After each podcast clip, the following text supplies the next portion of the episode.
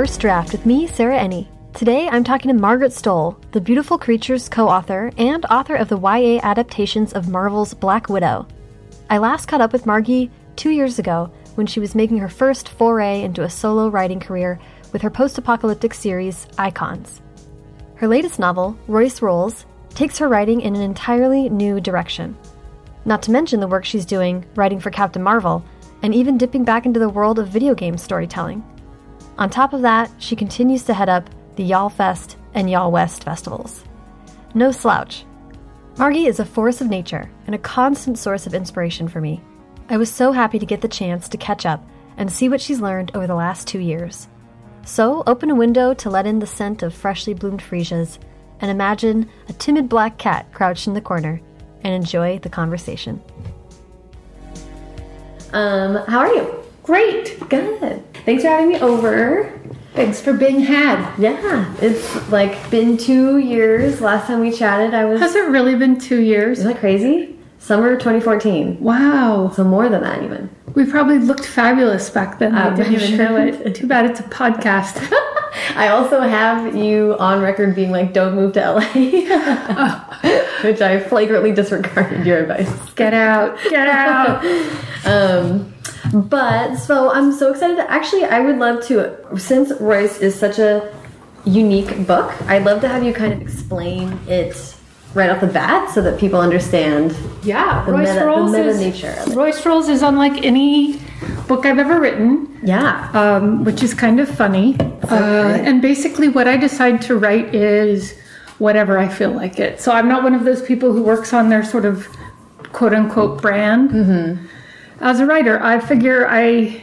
I figure that writing is for me as much as it is for the reader. Yeah. And I feel like if I work on what I want to work on, it will be more likely to be, like, Yeah. you know, interesting to someone.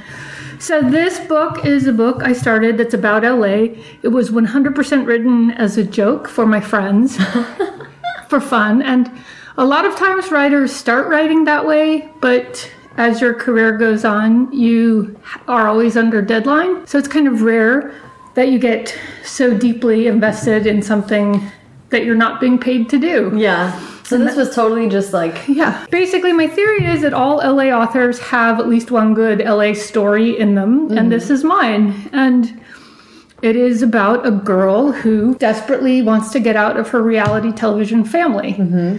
And they're sort of a formerly on top reality show family, and they're on the bubble season six. They might get canceled. Mm-hmm. And for Bentley, who's the daughter, it would be amazing because then she could go to college, which is all she wants to do. Mm-hmm.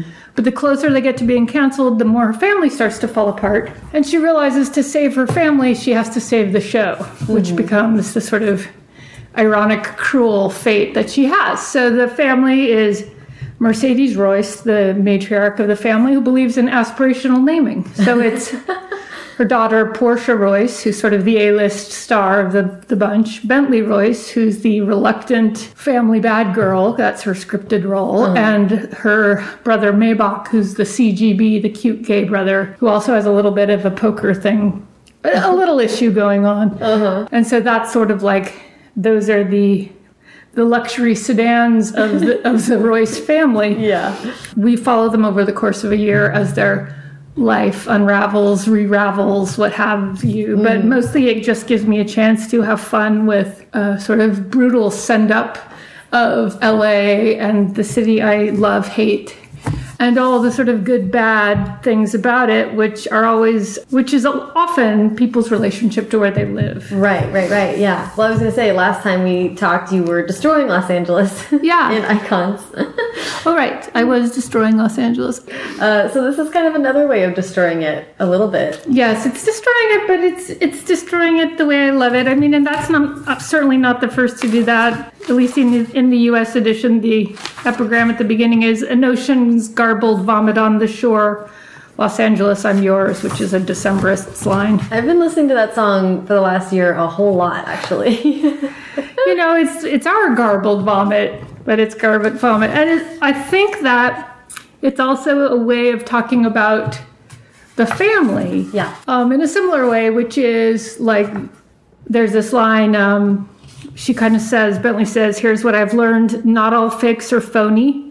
Some of it, the fakeness goes deep, way mm-hmm. deep down all the way through. I'm surrounded by idiots, and I'm an idiot too because these idiots love me, even when it seems like they're incapable of loving anything except their own flat belly buttons. I don't know why I didn't see it before. Love, the highest of high concepts, a real name and lights moment. You're not too good for love. Love is legit. It's the only legit thing, maybe, even here in Los Angeles. My God, so help me God home. Oh, typo. The city of bony blonde angels. And then she sort of goes on and talks about um, the sort of disaster. The thing that's real is the disaster. Mm-hmm. And I feel that way too. Um, the way I see it, we're all going down in this ship together. Why else have a ship? Why else have it together? To be in this catastrophe with these people is an honor, it's a privilege. My privilege, we're a family, a messed up disaster of a family, which is how you know one thing, the only thing that matters, that it's real. Fade out.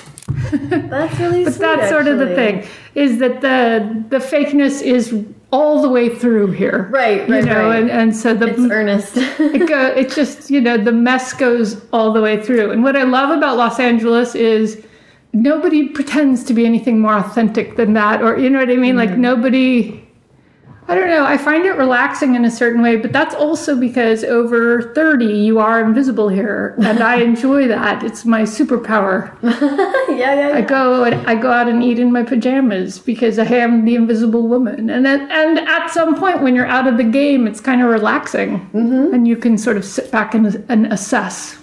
Oh, that's that's very interesting. Yeah. So, as an older woman in Los Angeles, you are the ultimate observer. I'm about to go on tour. I have a few school visits, and my talks are about Jane Austen and reality television and YouTubers and like cultural commentary. Yeah. And now so many teens have made themselves sort of journalists, you know, in terms Right. of their own social media platforms. Yeah. It's fascinating. Yeah, they're talking to each other Yeah, culture and determining their own.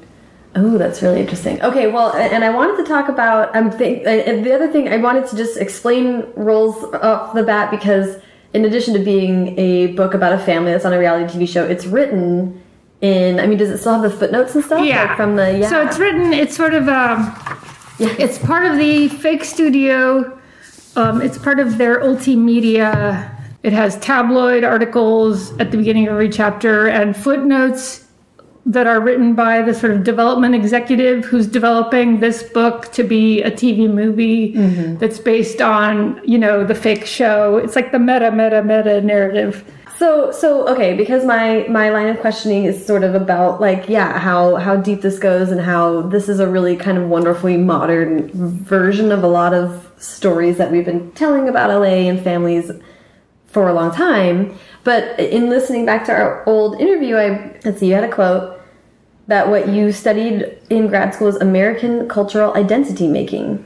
Yeah. That that was like what you focused on. Yep. And it's struck me that this is like the most direct kind of it- meditation. on yeah, it's really interesting. I hadn't thought about that, especially because it's such a departure from the sci-fi and fantasy that I've mostly written. I mean, I've written two books directly about aliens, six books about magic, Mm-hmm. and two books about superhero spies, and then this. It's kind of fascinating. Um, and I've written another a TV pilot that has a book coming out with it, and that is also less about family, but more about sort of specifically high school culture here. But it is something that I'm interested in, and I really am interested in cultural debris, narrative debris, and collecting, which is sort of what my focus when I focused on identity making in my American Studies PhD program, it was really about um, what then became museum studies, but like how we piece together the evidence of cultural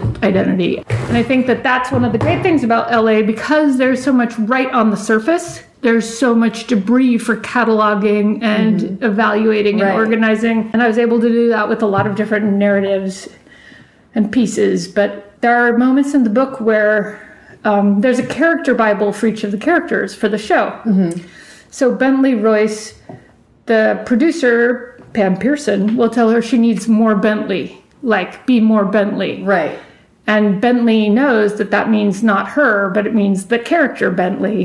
And her brother always cheers her up by saying, get bent, which, you know, like is sort of the, their shorthand version of how they've survived that. But it's super interesting because that character, the character Bible has sponsorships and mm-hmm. things she, you know, does and doesn't do, and you know, rebe- this rebellious, not that rebellious, mm-hmm. and you know, it's all been sort of cultivated. But it's fascinating to kind of stop and look at what are the messages all of these things send. Because I also always think that when I see teens in school, that they they manage their messaging right of their visual selves yeah. more than anyone so i always encourage in writing classes i have them write about their shoes because they're so incredibly detailed and descriptive right. where the where the duct tape is what they've written on it what the you know and i want to know what those messages are so that was a little bit of the impulse behind some of this yeah ooh that's super interesting yeah well and and you know to whatever extent the kardashians are determining culture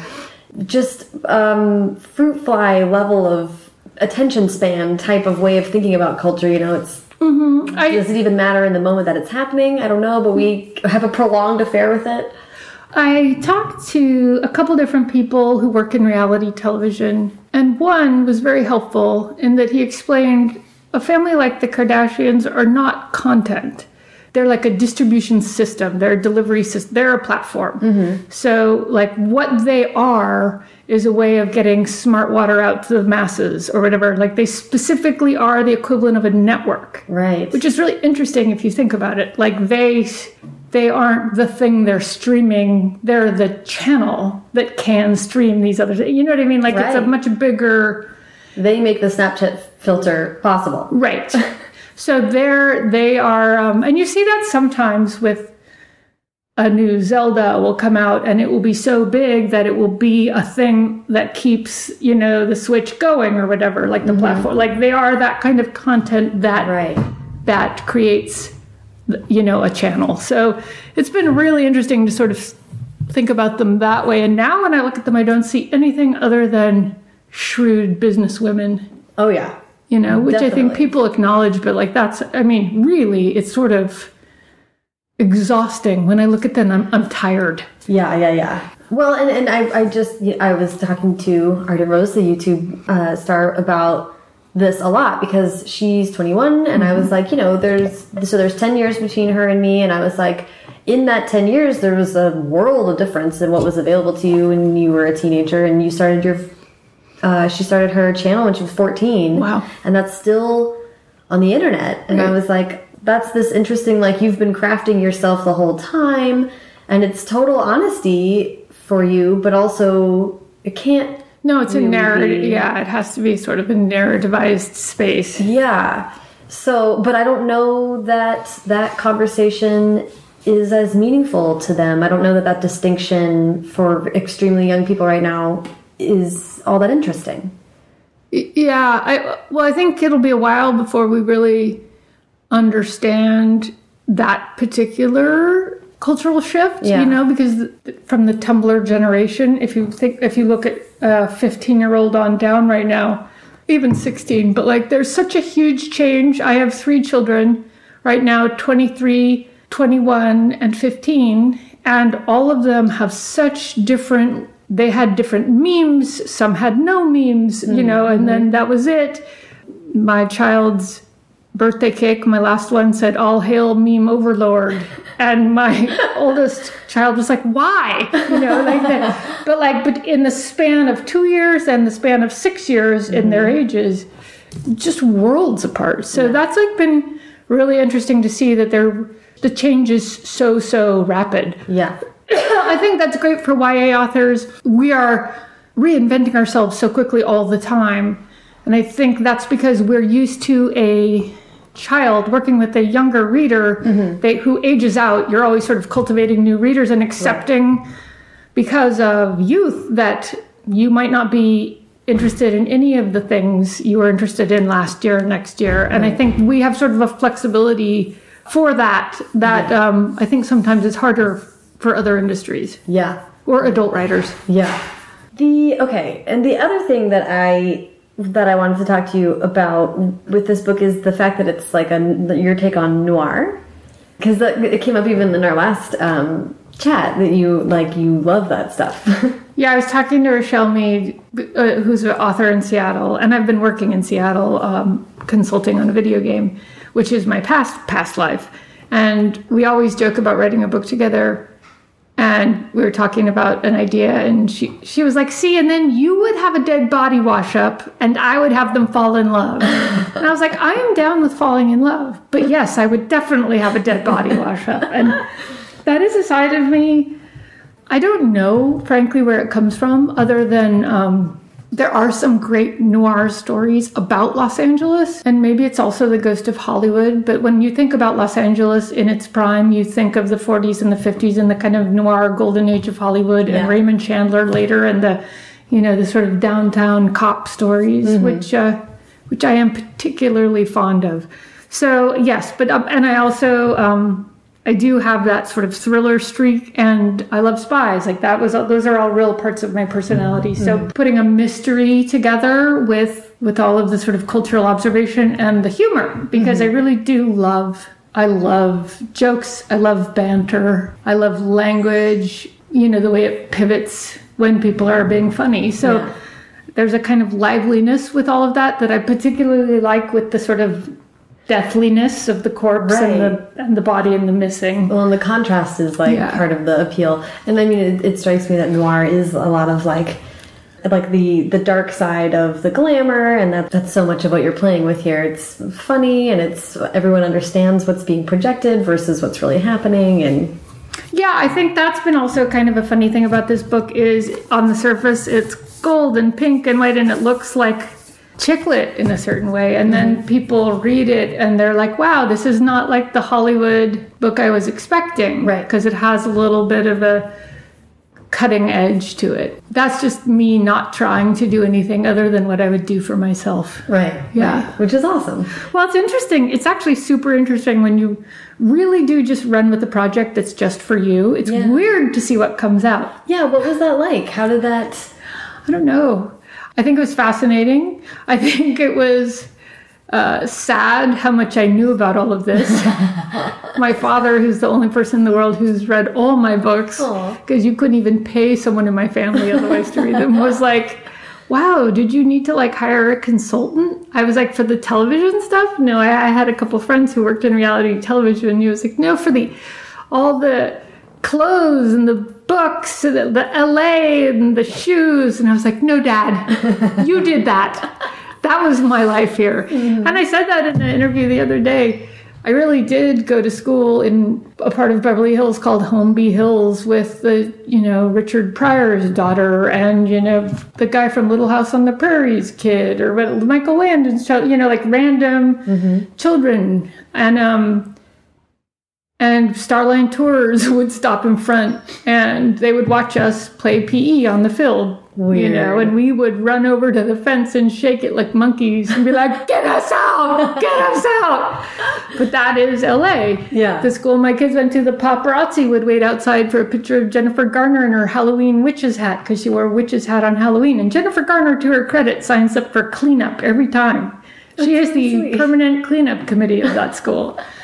Um, and then they would wait outside the country mart where we'd get chicken and ice cream, you know, and you'd see the paparazzi waiting outside because they can't get in because it's private property and you can ask them who it is. And half the time it's Willow when her kid from Buffy or Oh yeah. at the dentist it's always the rapper whose name you don't really know. But that's life here. Yeah. Um, but as far as like physically writing the book, it being contemporary and different from anything else, I mean, what was the experience like versus the other projects you've done? I'm not sure I could have written it if I had sat down and conceived of it as a project. Mm-hmm. A lot of it was stitched together out of vignettes that I wrote just as jokes to myself. Mm-hmm. Mostly, I, I mostly I was just letting myself be really, really funny Yeah. um, which is a thing that I have to hold in check a lot of the time. Less so in the Captain Marvel comics because um, people don't know Carol Danvers that well, but if you go and read through the 50 years, she kind of does. She is sort of mouthy. Um, and that's one of my other jobs. So that's another moment. And I get to write Tony Stark a gonna lot of the time. I wrote Tony Stark into all my Black Widow novels. And I even wrote a AI version of Tony Stark that's working right now in the um, Marvel universe into uh, three of my comics. So like I always feel like I have a Tony Stark sitting on my shoulder making bad jokes. yeah. Definitely, this was that same part of me that just likes to run with that almost more than anything. You know, like more than beautiful writing. Well, to me, I was just talking the other day to um, a genre writer, Yeah. and I was like, you know, I'm having, I'm writing con- a, a contempt and a genre at the same time right now, and I was like, the thing that brings me back to the contempt that gets me jazzed to write it again is that it's so much more about language. Yeah. and it's really like the voice is what I enjoy the most about. it. Yeah. and like it's a good vehicle for that, where genre is about feeling and atmosphere and plot and Yeah. monsters and Yes, definitely, um, and character. Like for me, um, Carol Danvers and Captain Marvel, that's about her take on a heroic situation, dangerous or positive. That's her take on it, her character, her voice in her head, and her, you know, being very human. I guess that's it. To me, humor is people being very human in the face of things they can't control or understand or embarrassing moments or moments they don't fit in. Humor is sort of the record scratch and I mm-hmm. love that. That's what probably the unifying thread in my life is I love to confess my own flaws and encourage people to confess theirs. Mm-hmm. So that sort of relatable mm-hmm. sharing of the, you know, the warped human world and sort of being uh, the empathy for it. Yeah. That that's what I love. So and humor is like the sort of very real, you know, side of all that. Mm-hmm. I love not having to pretend. I mean, that's why we do that panel at Y'all West Basket Cases in Y'all Fest. Like I, I really do feel like it's one of the things you can do with your platform, especially as a teen author, is give people permission to laugh at something or to cry at something or to relate to something flawed or ridiculous. That's what I care about. I actually think I am that way because I come from a pretty conservative Mormon community.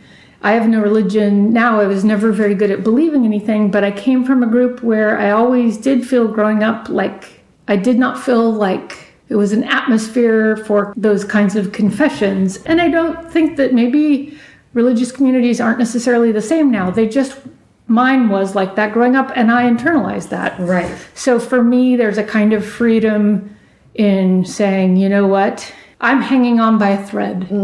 Are you? Because I am, you know, and Right. like being able to have those talks then became sort of extra important for me. Yeah, it's like your rebellion. Yeah. To and to what extent is this uh, working through family stuff?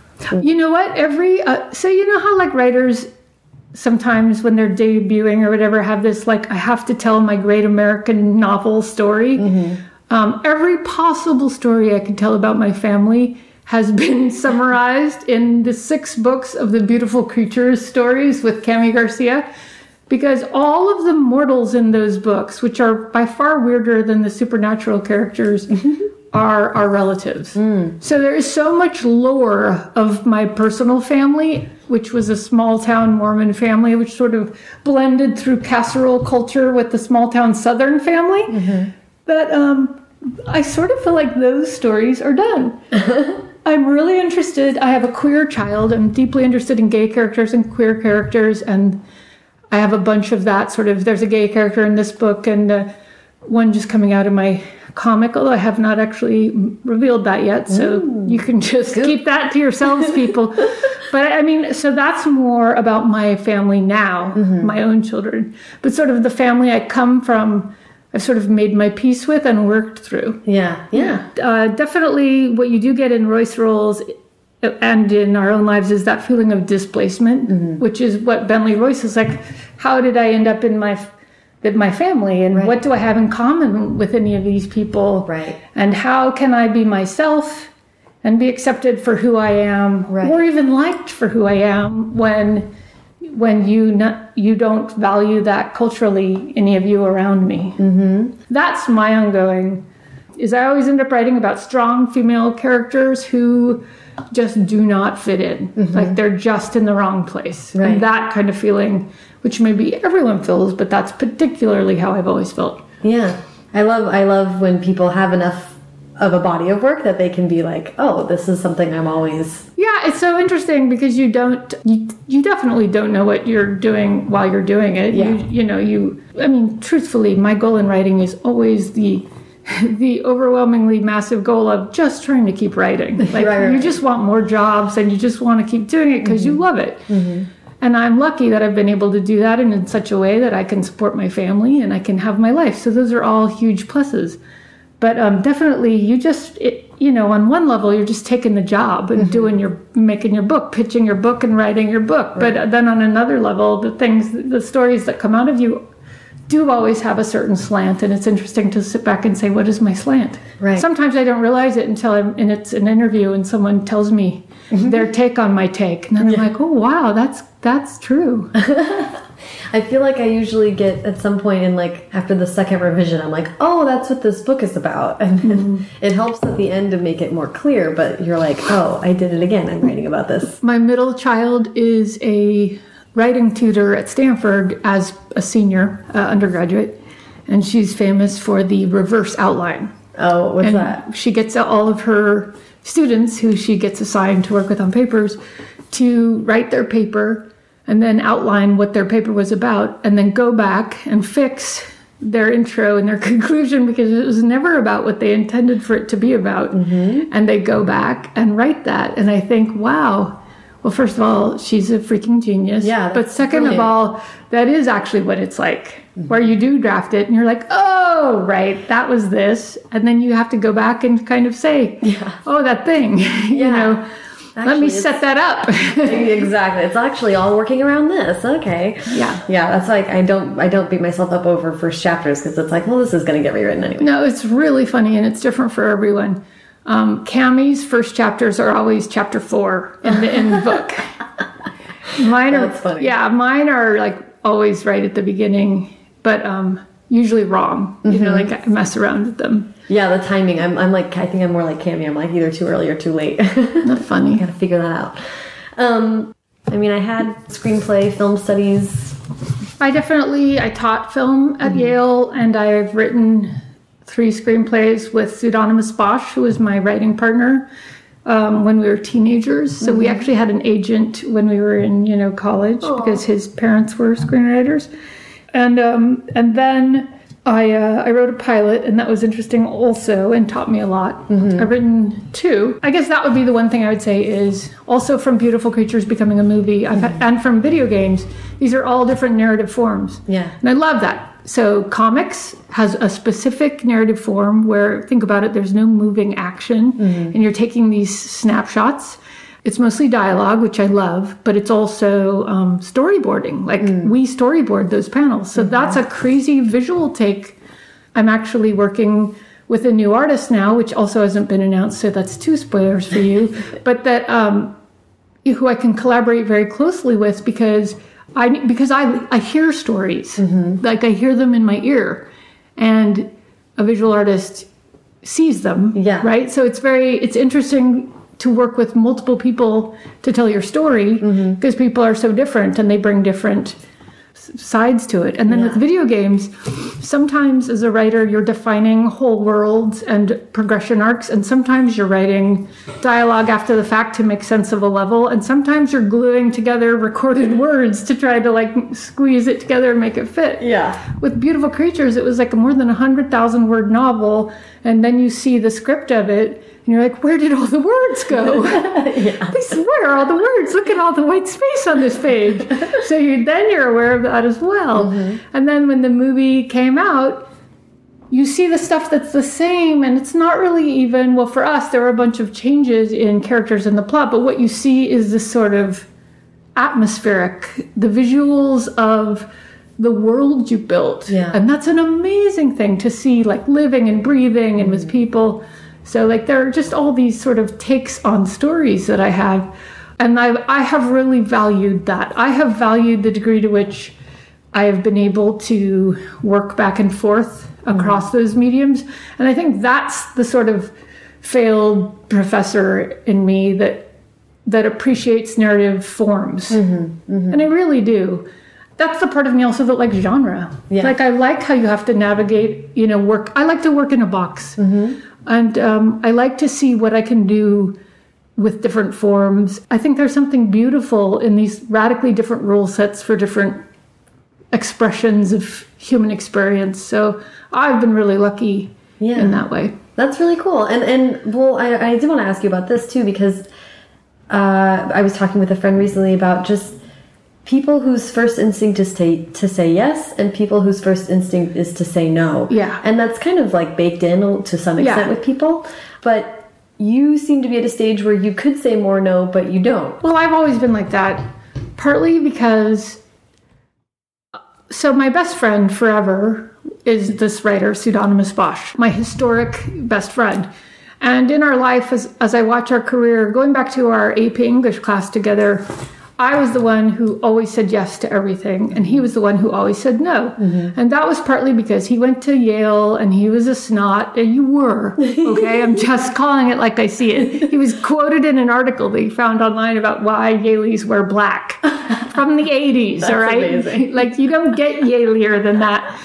But, um, he was pretty precious about what opportunities for writing he would engage in. Right. And I I just always wanted to work. And I think this is this comes from my roots which are sort of pioneer stock like you just work. You put you like I grew up singing there was a hymn we sang in the sort of little kid Sunday school called "Put Your Shoulder to the Wheel, Push Along, um, Do Your Duty with a Heart Full of Song." We all have work, let no one shirk. Put your shoulder to the wheel. Like I just like to work, Wow. and I think that that's baked into me. So I feel like working is a privilege. I am a writer. I'm grouchy when I'm not writing. Mm-hmm. And so I always wanted to just be inventing something. So mm-hmm. I took video game jobs for years and years and years when we weren't selling scripts anymore. Mm-hmm. And then he started writing a book. And then I ended up writing a book after he did because his he sent my book our book to his agent without telling us but um but i think we we ended up both of us in relatively the same place or the places we wanted to be so everyone has their own path i would say and you get it a different way but i'm definitely a say yes person Yeah. it can get me in trouble. I always have too much on my plate. And partly that's the reality of being a writer where your money comes, your money goes. We always joke, um, my friends and I, that one of us is always hit big every year, so we rotate. and we like the other one, we have to carry the other one when they're in mm-hmm. their off year. But I also love living like that. Mm-hmm. And that's by far the best thing about teen writing in particular is it's such a community right? Like i don't i don't really think i had close friends before this. I mean i did i always had pseudonymous bosch but i don't really think i had truly close friends until i became a writer which is really interesting i mean i had my husband that was fortunate but i i didn't become a writer until i was 40 right Yeah. so I started wrote my book. I was 39. So it's been just you know a little over. It's been a dec- exactly a decade, and um, I think that's the one thing I regret. And I was talking to my own daughters about this. Is waiting to do the thing I most wanted to do until then because I was afraid. I mean, I had a great 16 year career in video games mm-hmm. and I ran a company with my husband, but I it's not what I wanted to do more than anything. What I mm-hmm. wanted to do more than any- anything was write an actual book. I was never the person who wanted to make movies. Mm-hmm. I just don't care in that same way, but I wanted a book and I will forever be grateful to Kami Garcia for making me do that with her because I don't know that I would have like gotten over that on my own. Yeah. And I, I don't know if you've met Kami, but she has this force of personality where you, she will not be denied. Mm-hmm. And she had never written anything, like she hadn't written a book, and she just willed that into being. So, I mean, my daughter dared us to do it. My daughter was her student, and that was it. It was happening. Yeah. So, it's interesting. Well, that is interesting. And actually, that's kind of nuts to think that it's only been a decade Yeah. since Beautiful Creatures is one of the kind of like old guard, like Yeah. the books that established YA that we know it 2009, today. But yeah, 2008. that's kind of wild that you like that's a whole a new life basically that you built for yourself. Oh, absolutely. It's really interesting right now. Well, I, I've been kind of going back to my old life because Oh yeah, since yeah. I started working with Marvel. Mm-hmm. So that was three years ago that I started working with Marvel, and that's really interesting because that was some of the earliest games I worked on was Spider-Man oh, and yeah. Fantastic Four. Our company did Fantastic Four, and I worked on Spider-Man for Activision, and and that was how come I was um, picked up by Marvel Press. Emily Meehan, my uh, the associate publisher, the editor in chief there, was like, "You do this stuff. Would you like to do that?" And so that ever since then, that's been this sort of coming full circle. That's really been lovely about knitting together sides of my life.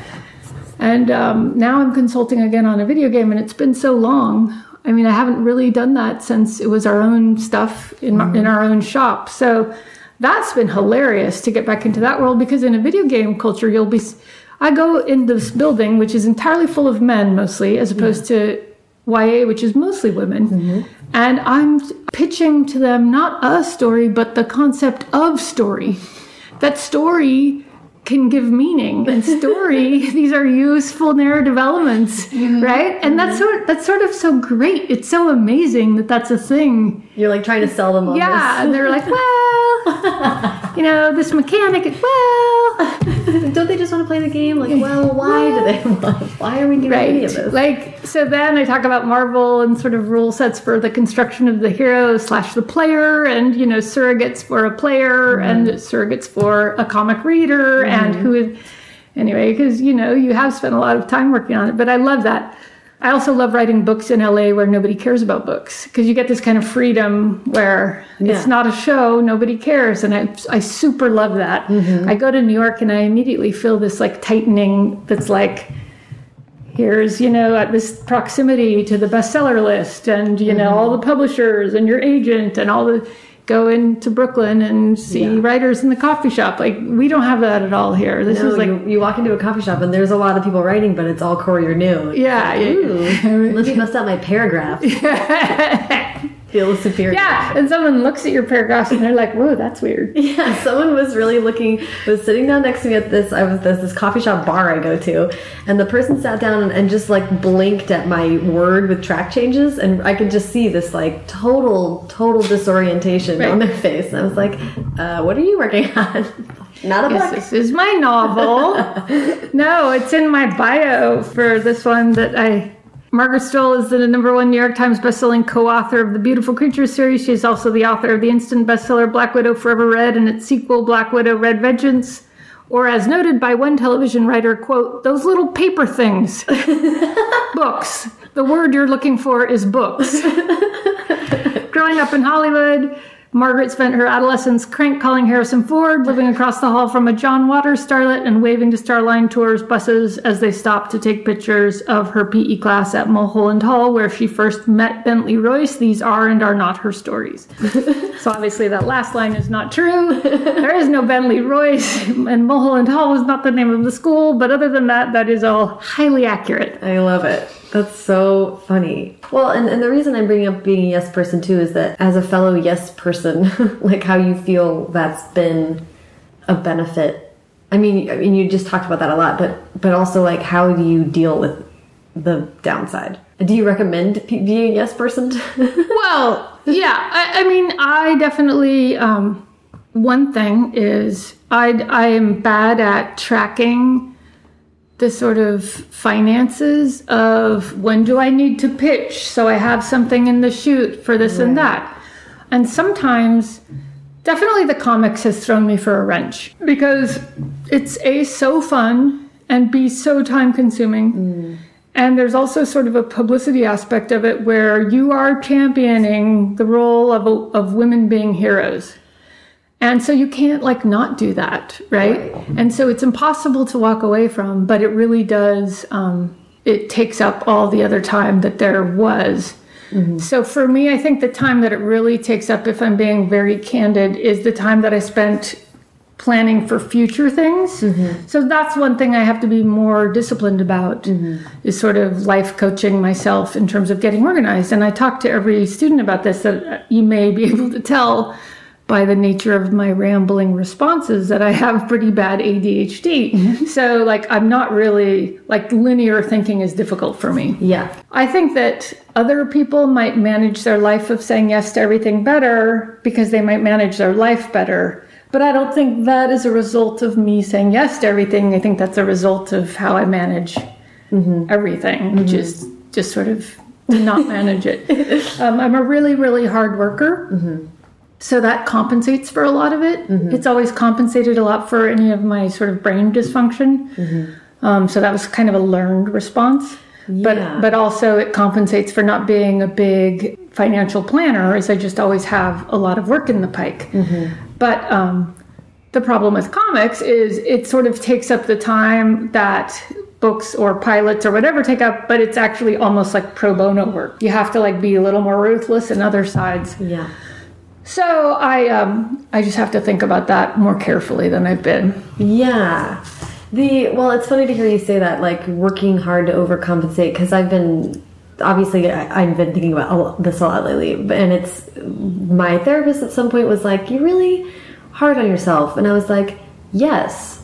That's how anything happens. I was like, "Are you? I, I hope you don't want me to start going down the path of talking about how that's not a good thing because I'm not going to go with you there." It was like this very interesting moment where she kind of was thinking I was going to open up about it, and I was like, no, that's not negotiable. Yeah. Like, that's how anything functions. Well, so one thing you learn in life, in families, in marriage, and for me in my writing partnership with Kami was how different minds can be. Mm-hmm. So I think a lot of times, if you're a no person, an, a yes person seems crazy. Right, You right, know, right. like what's wrong with you? Mm-hmm.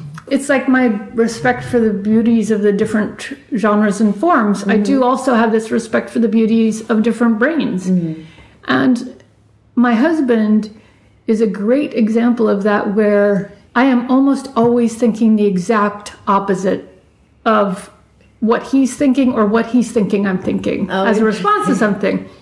So I've learned to be hyper communicative about that and never presume that anyone is responding to anything. So, no, your therapist probably thinks you're nuts, but most writers can be thought of as nuts to most people. I have found that if I follow the projects I'm interested in, I generally will get by. Uh, Libba Bray is my sort of role model, really in all things, but definitely in that same sort of idiosyncratic. I might write a book about mute, mu- uh, beauty queens. I might write a book about mad cow disease. I might write a book that's a genre book, you know, set in history.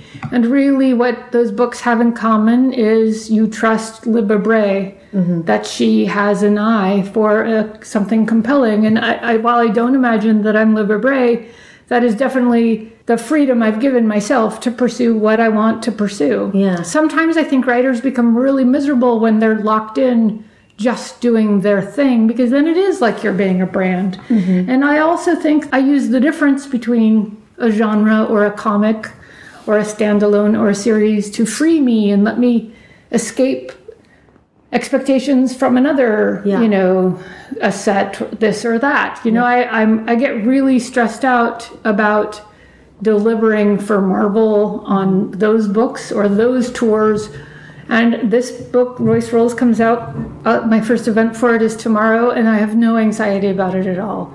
Because books exist for different reasons. All stories exist for different reasons. And this one more than any of them existed for me to write. And it's also kind of an inside joke for 12 people. Yeah. and it has done that. Yeah. so and it was reviewed you know really well and people who read it like get it. Yeah. but i don't care if a billion people read or never read this book. Mm-hmm. this book existed it's already accomplished what it needed to accomplish for me in my catalog of books Yeah. the uh, two sci-fi books i wrote icons and idols they will never be huge breakout books. They did not ever hit the bestseller list, but they are, I get passionate, strangely depressive letters about those from around the world because those two books are about children with feelings that could destroy the world. Which is, I wrote them during a breakdown. Mm-hmm. All my books are special to me in different ways and they serve different purposes. And that is a benefit, a perspective you only get from being super old and having a bunch of them out there mm-hmm. and being like, yes, these did this, mm-hmm. and these were meant to do this, and this one was for me. Yeah, that's really neat. Yeah, and it's um, and it's funny that the one I wrote for me is the one you could push aside as the like the least important, you know, the the funny trivial riffing one, right? Like which I feel is appropriately reflective of what I like. The self-deprecating Yeah. uh, to the core. Yeah. yeah, it works. Um, well, speaking of uh, your husband and working with him in many ways, Yeah. can you talk about Yes. Cat Robot? Yeah, it's been announced, I believe. It's my first middle grade Cats versus Robots This is War, and it's basically just our house made into a book Can you please talk about the origin of this? I have two cats. My daughter has two cats, so there are really four cats in my extended family. And my husband builds robots, um, and he has two kind of workshops, but one main one in our house. And basically, he started building these robots that torment the cats.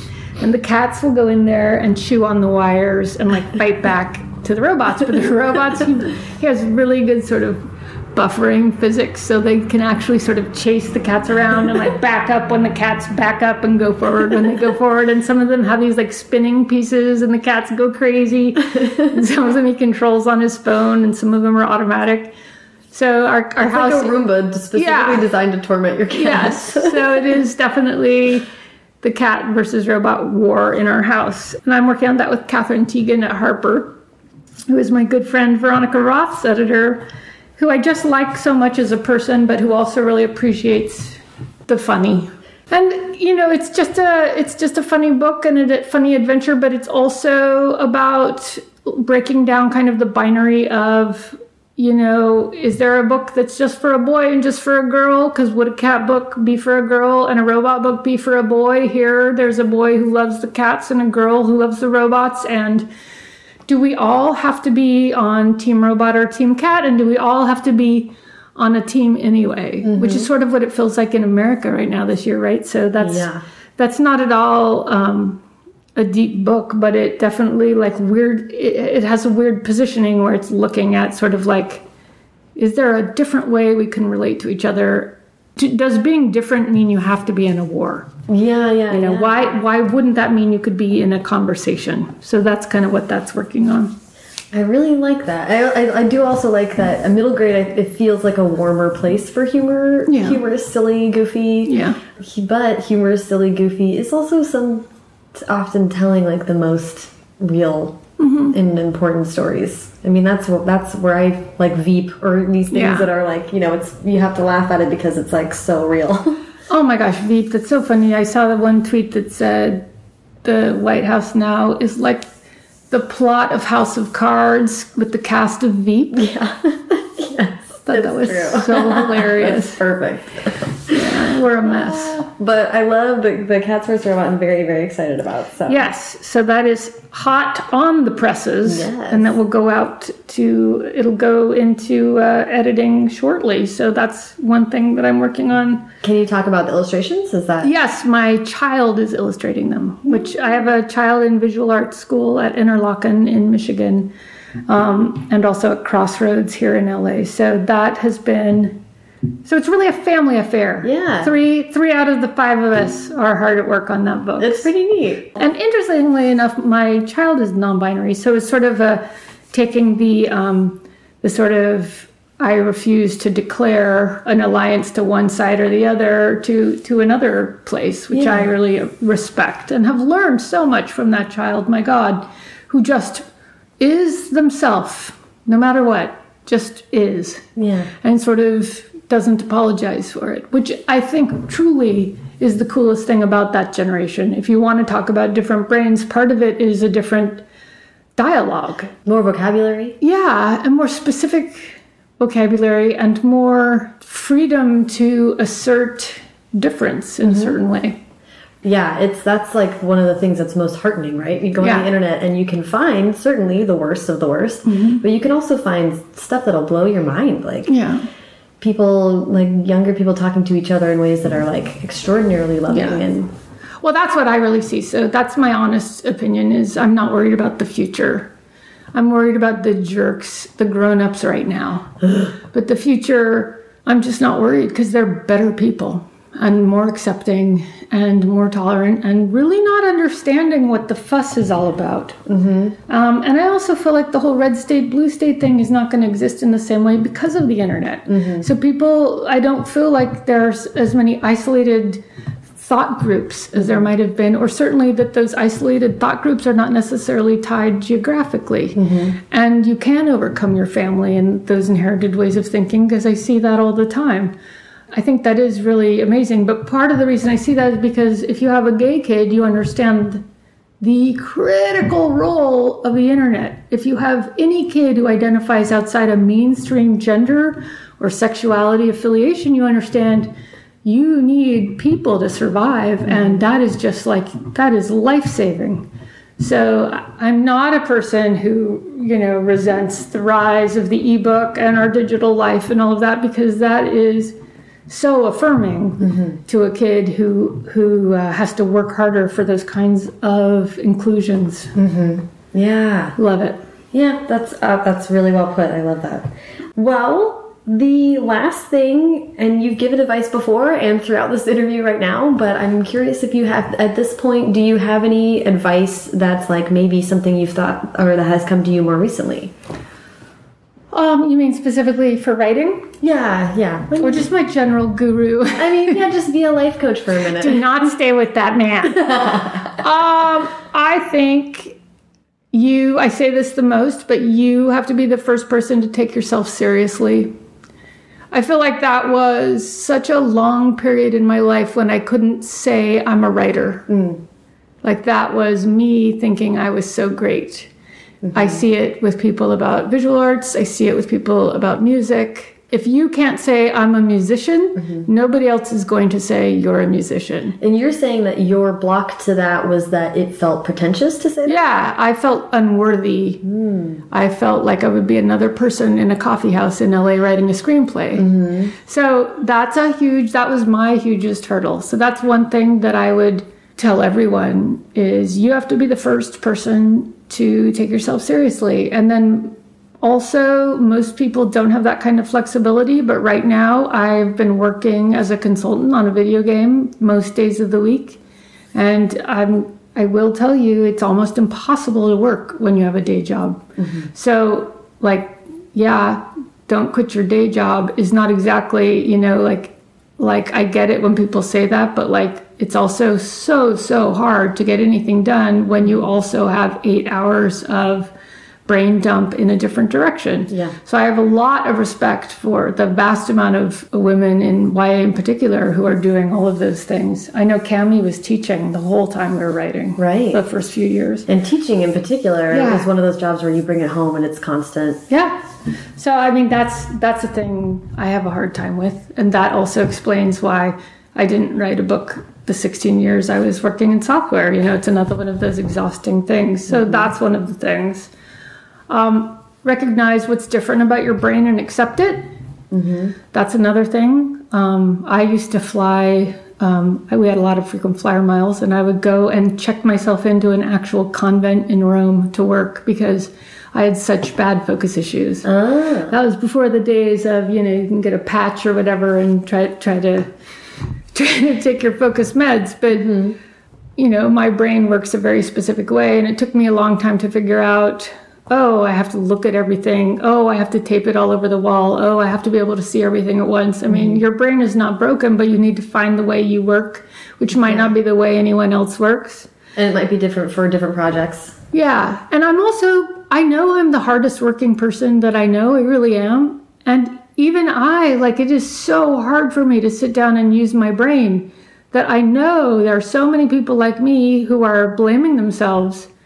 And it's, it's your brain. Mm-hmm. You have, you know, you're not, you don't have the dopamine going when you're trying to do that. So I would encourage everyone to be a little less nasty and judgmental about yourself because you probably don't understand what's not working for you. Mm-hmm. And I would try, I would tell everyone to look a little more closely at when are you successful? When aren't you successful? Mm-hmm. I do best my best work at four or five in the morning. Really? So I just go with it because I'm also a terrible insomniac. So I wake up and roll with it. And I get up and I sit right here where we're sitting right now and I just start going.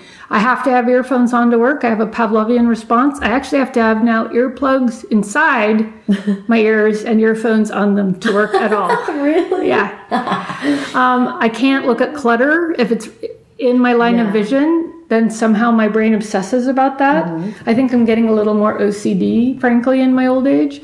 So, like, I know what I have to do. It's very hard for me to work. Mothers, I don't know how you do it. Um, I have two sick children, two out of three basically right now. And it, like, that's what's in my head at all times. Like, that's all I think about. Yeah. So it's really, really hard to clear that space and imagine a different world when what you see are the the things you're worrying about in this world. And I would say give yourself permission to say those things out loud and kind of acknowledge it and try to figure it out. Mm-hmm. So everyone always says you can't be a writer unless you write and you have to put your butt in the chair and write. But really, anyone who's actually going to be a writer desperately wants to do that.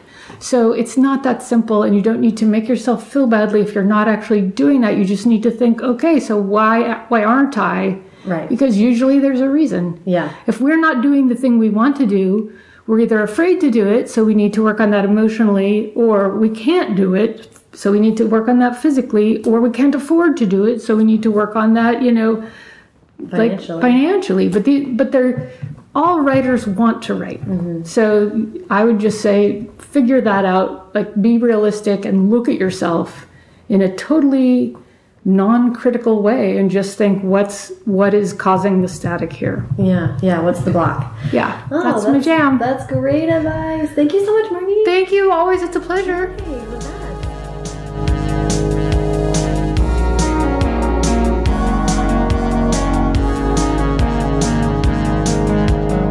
Thank you so much to Margie. Follow her on Twitter at mstohl, M S T O H L, and find the show at First Draft Pod and me at Sarah Enni. You can find the show on Facebook and Instagram too, but for show notes with links to everything Margie and I talked about, my favorite quotes from this and every episode, as well as the archives and a link to sign up for the First Draft newsletter, check out firstdraftpod.com. This weekend, if you are in the greater Los Angeles area, you would be doing yourself a disservice if you didn't check out the Los Angeles Times Festival of Books, which is an amazing event with tons of incredible YA authors. I'll be moderating a lights out panel on Sunday, April 23rd at 2 p.m. of Marie Lu, Victoria Aveyard, Kiersten White, and Laini Taylor. Wow, I'm pretty excited about it, so don't miss it. I will also be at Y'all West on Saturday, April 29th. That's at Santa Monica High School, moderating and also appearing on a panel in support of Because You Love to Hate Me, the anthology coming out in July that I wrote a short story for. Come hear me talk about evil sorcerers and see a buttload of amazing authors be silly and have a really good time. And for the forward thinking among you, try to be in New York City around June 3rd and 4th. I'll be in town for BookCon with events and schedule TBD. If you liked what you heard today, please subscribe to the podcast on iTunes and consider leaving a rating or review there. Every five star rating helps other listeners find the podcast and makes me feel better about constantly saying yes. Thanks to Hash Brown for the theme song, and to Colin Keith and Maureen Gu for the logos. Thanks to super intern Sarah DeMont and transcriptionist at large Julie Anderson. And, as ever, thanks to you, beautiful creatures, for listening.